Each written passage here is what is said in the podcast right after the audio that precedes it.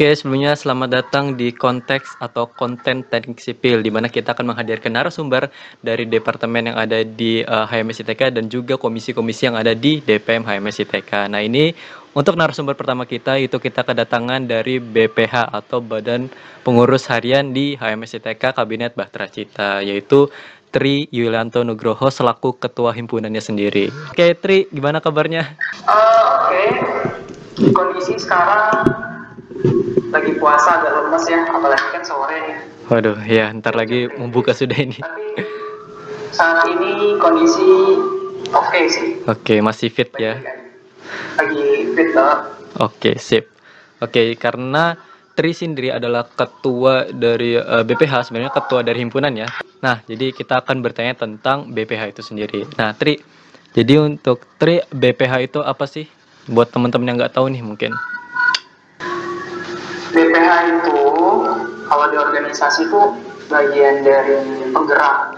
Kalau misalkan teman-teman lihat di kepoin IG HMS itu kan BPH itu disebutkan sebagai gerigi. Jadi istilahnya itu merepresentasikan kalau misalkan BPH itu adalah penggerak. Maksud dari penggerak itu apa sih? BPH ini tugasnya adalah sebagai uh, fungsi kontrol yang pertama mengendalikan bagaimana sebuah organisasi itu bisa bergerak. Lalu juga melakukan pengawasan serta koordinasi, baik itu dari setiap program kerja bidang departemen masing-masing, lalu juga dari sistem administrasi dan keuangan dari himpunan. Kalau di ranah himpunan mahasiswa kita berarti uh, kita uh, mengendalikan, melakukan pengawasan dan juga pengendalian program kerja di himpunan teknik sipil IPK ini uh, kita mengelola sembilan departemen yaitu departemen di kepengurusan kabinet Bahtera Cita. Oke. Okay. Itu uh, secara umumnya ya. Mungkin bisa lebih detail lagi. Misal uh, di dalam BPH itu ada apa aja dan peran-perannya itu apa saja gitu. Oke. Okay. Kalau peran-perannya kalau dari aku ya sebagai ketua KIMA itu pertama adalah aku ini sebagai perwakilan perwakilan dari himpunan. Kayak gitu. Kalau misalkan ada kegiatan-kegiatan undangan-undangan dari instansi lainnya seperti dari himpunan lain baik itu di internal Institut Teknologi Kalimantan ataupun di eksternal uh, eh, ITK kayak gitu. Uh, ketika mereka mengadakan kegiatan surat masuk mengundang kita seenggaknya ada perwakilan. Nah perwakilannya itu bisa dari ketua himpunan okay. dia yang menghadiri ataupun nanti menunjuk anggota sebagai perwakilan untuk menghadiri undangan dari kegiatan-kegiatan instansi luar HMS gitu. Lalu tugas dari ketua himpunan juga adalah mengkoordinir juga secara umum adalah mengkoordinir uh, pekerjaan dan juga uh, pembagian tugas tiap-tiap departemen dan juga bendahara wakahima serta sekretaris himpunan gitu. Hmm. Selain itu juga lebih ke kalau misalkan di karena pekerjaan yang berhubungan dengan pekerjaan yang lain misalkan kayak bendahara ataupun sekretaris itu kan nanti Kahima bakal ngurusin berkas-berkas misalkan ada teman-teman departemen yang mengajukan pengajuan surat atau proposal kayak gitu nah, nanti ketua himpunan yang menandatangani untuk nanti bakal diajukan ke birokrasi ataupun ke dewan pengawasan himpunan kurang lebih itu untuk uh, pekerjaan karena pekerjaannya dari ketua himpunan. Lalu okay. untuk uh, wakahima, kalau wakahima ini kan yang handle Andreas Basar nih. Untuk Andreas Basar sebagai wakil ketua himpunan itu pertama adalah pembagiannya lebih ke fokusan internal pekerjaan internal dari himpunan. Jadi tugas dia adalah memimpin rapat, bikin rapat kerja kayak gitu. Ya yang istilahnya memfasilitasi koordinasi antar internal himpunan kalau misalkan dari kami sebenarnya bukan berarti semua internal pekerjaan itu diurus oleh Wakahim enggak tapi uh, kami membagi pekerjaan antara boundary lah. Istilahnya kayak batasan antara ketua himpunan dan juga wakil ketua himpunan. Hmm. kayak gitu Nah, kalau dari kami pembagiannya kayak misalkan ada beberapa departemen yang dihandle oleh ketua himpunan, ada juga departemen yang dihandle oleh wakil ketua himpunan. Jadi memang perlu adanya pembagian pekerjaan. Okay. Lalu untuk sekretaris, sekretaris uh, umum atau sekretaris himpunan itu saya menunjuk saudari Angelina Natal Adelina Utahaya.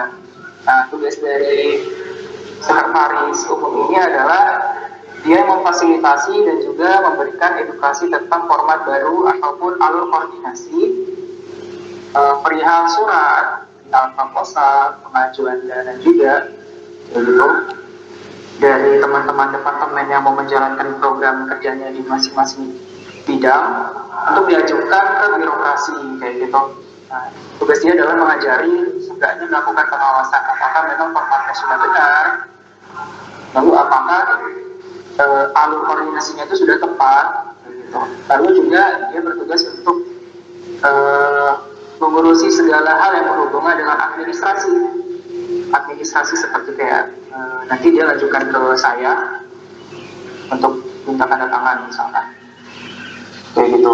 Kurang lebihnya kayak gitu. Lalu untuk dari bendahara himpunan bendahara umum aku nunjuk saudari Adin Aldora Pista kayak gitu Nah, tugas dari Adin Aldora Pista adalah lebih ke bagaimana dia uh, memanajemen dan mengelola sistem keuangan dari himpunan secara umum.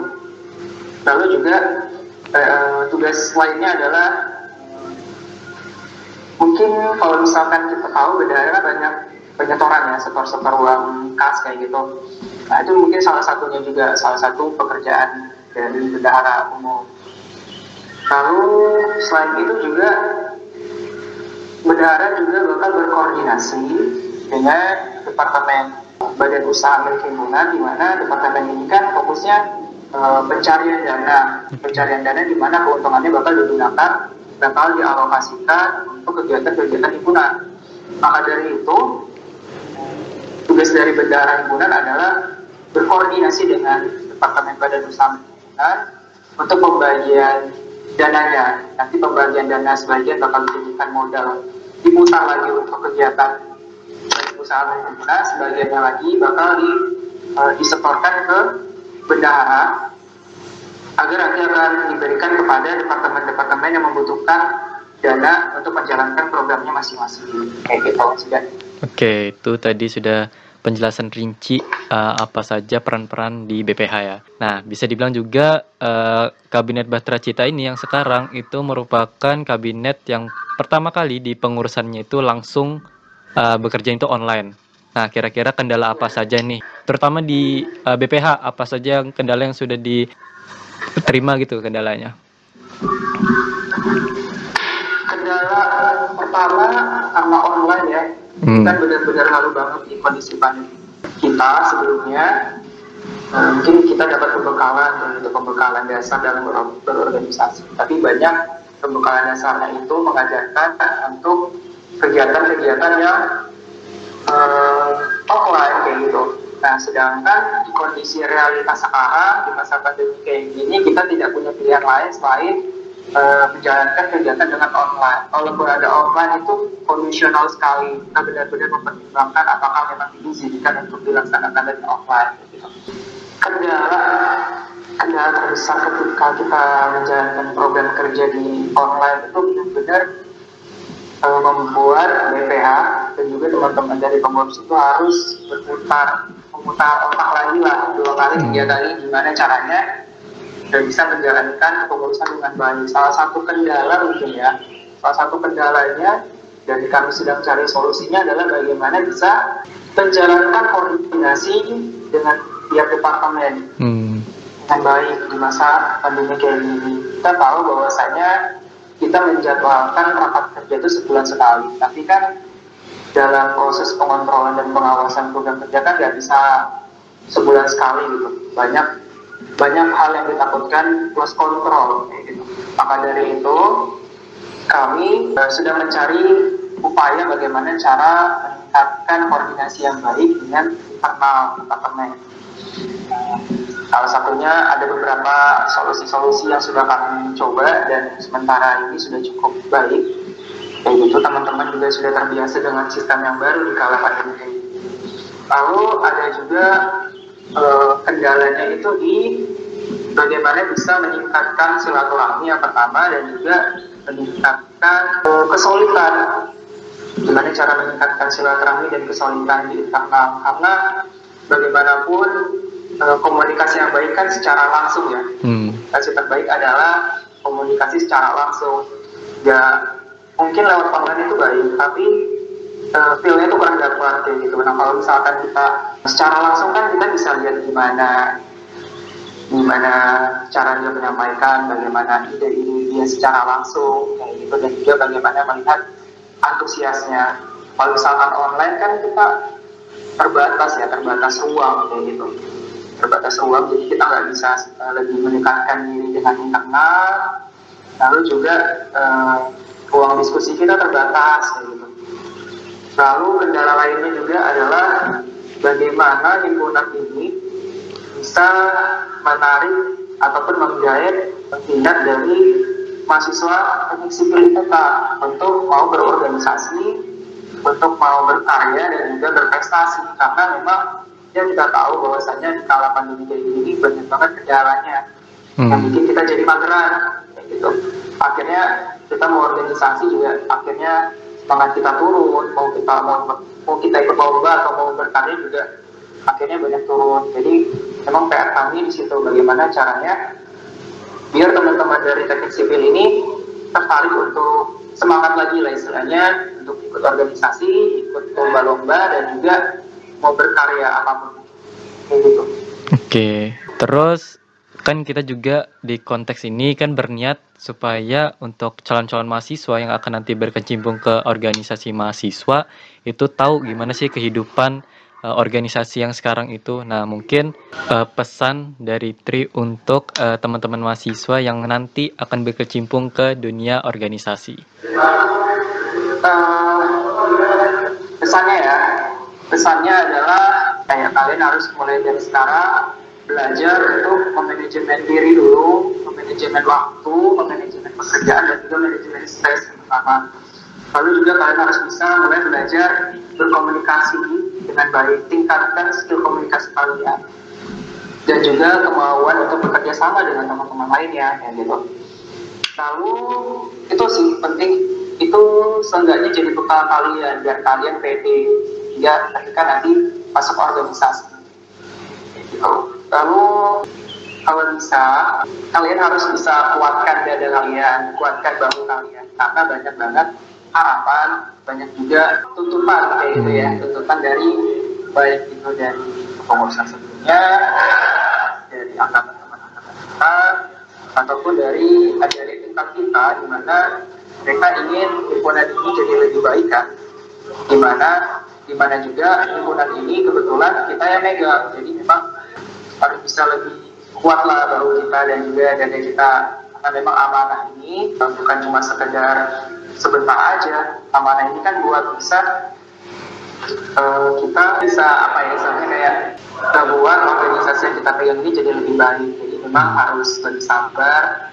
Kalau misalkan nanti bakal ada tuntutan-tuntutan ada kendala-kendala apa ya soalnya kayak cukup membebani pikiran kayak gitu hmm. lebih tepatnya bukan membebani sih tapi memang pasti bakal banyak hal yang dipikirkan jadi memang kita harus bisa siap juga gitu siap mental juga hmm. gitu. jadi kalau misalkan nanti siapa pun yang bakal teman-teman dari teknik sipil yang bakal masuk ke organisasi kuatkan dulu motivasinya jadi motivasinya memang memang niat untuk mendedikasikan diri untuk mengabdi gitu. jadi kalau misalkan uh, sudah berkecimpung kalian bisa megang benar-benar nih komitmen kalian di awal masuk ke pengurusan. Jadi nanti semua amanah-amanah yang diemban sekarang bisa dijalankan dengan baik. Mungkin itu aja deh, cukup.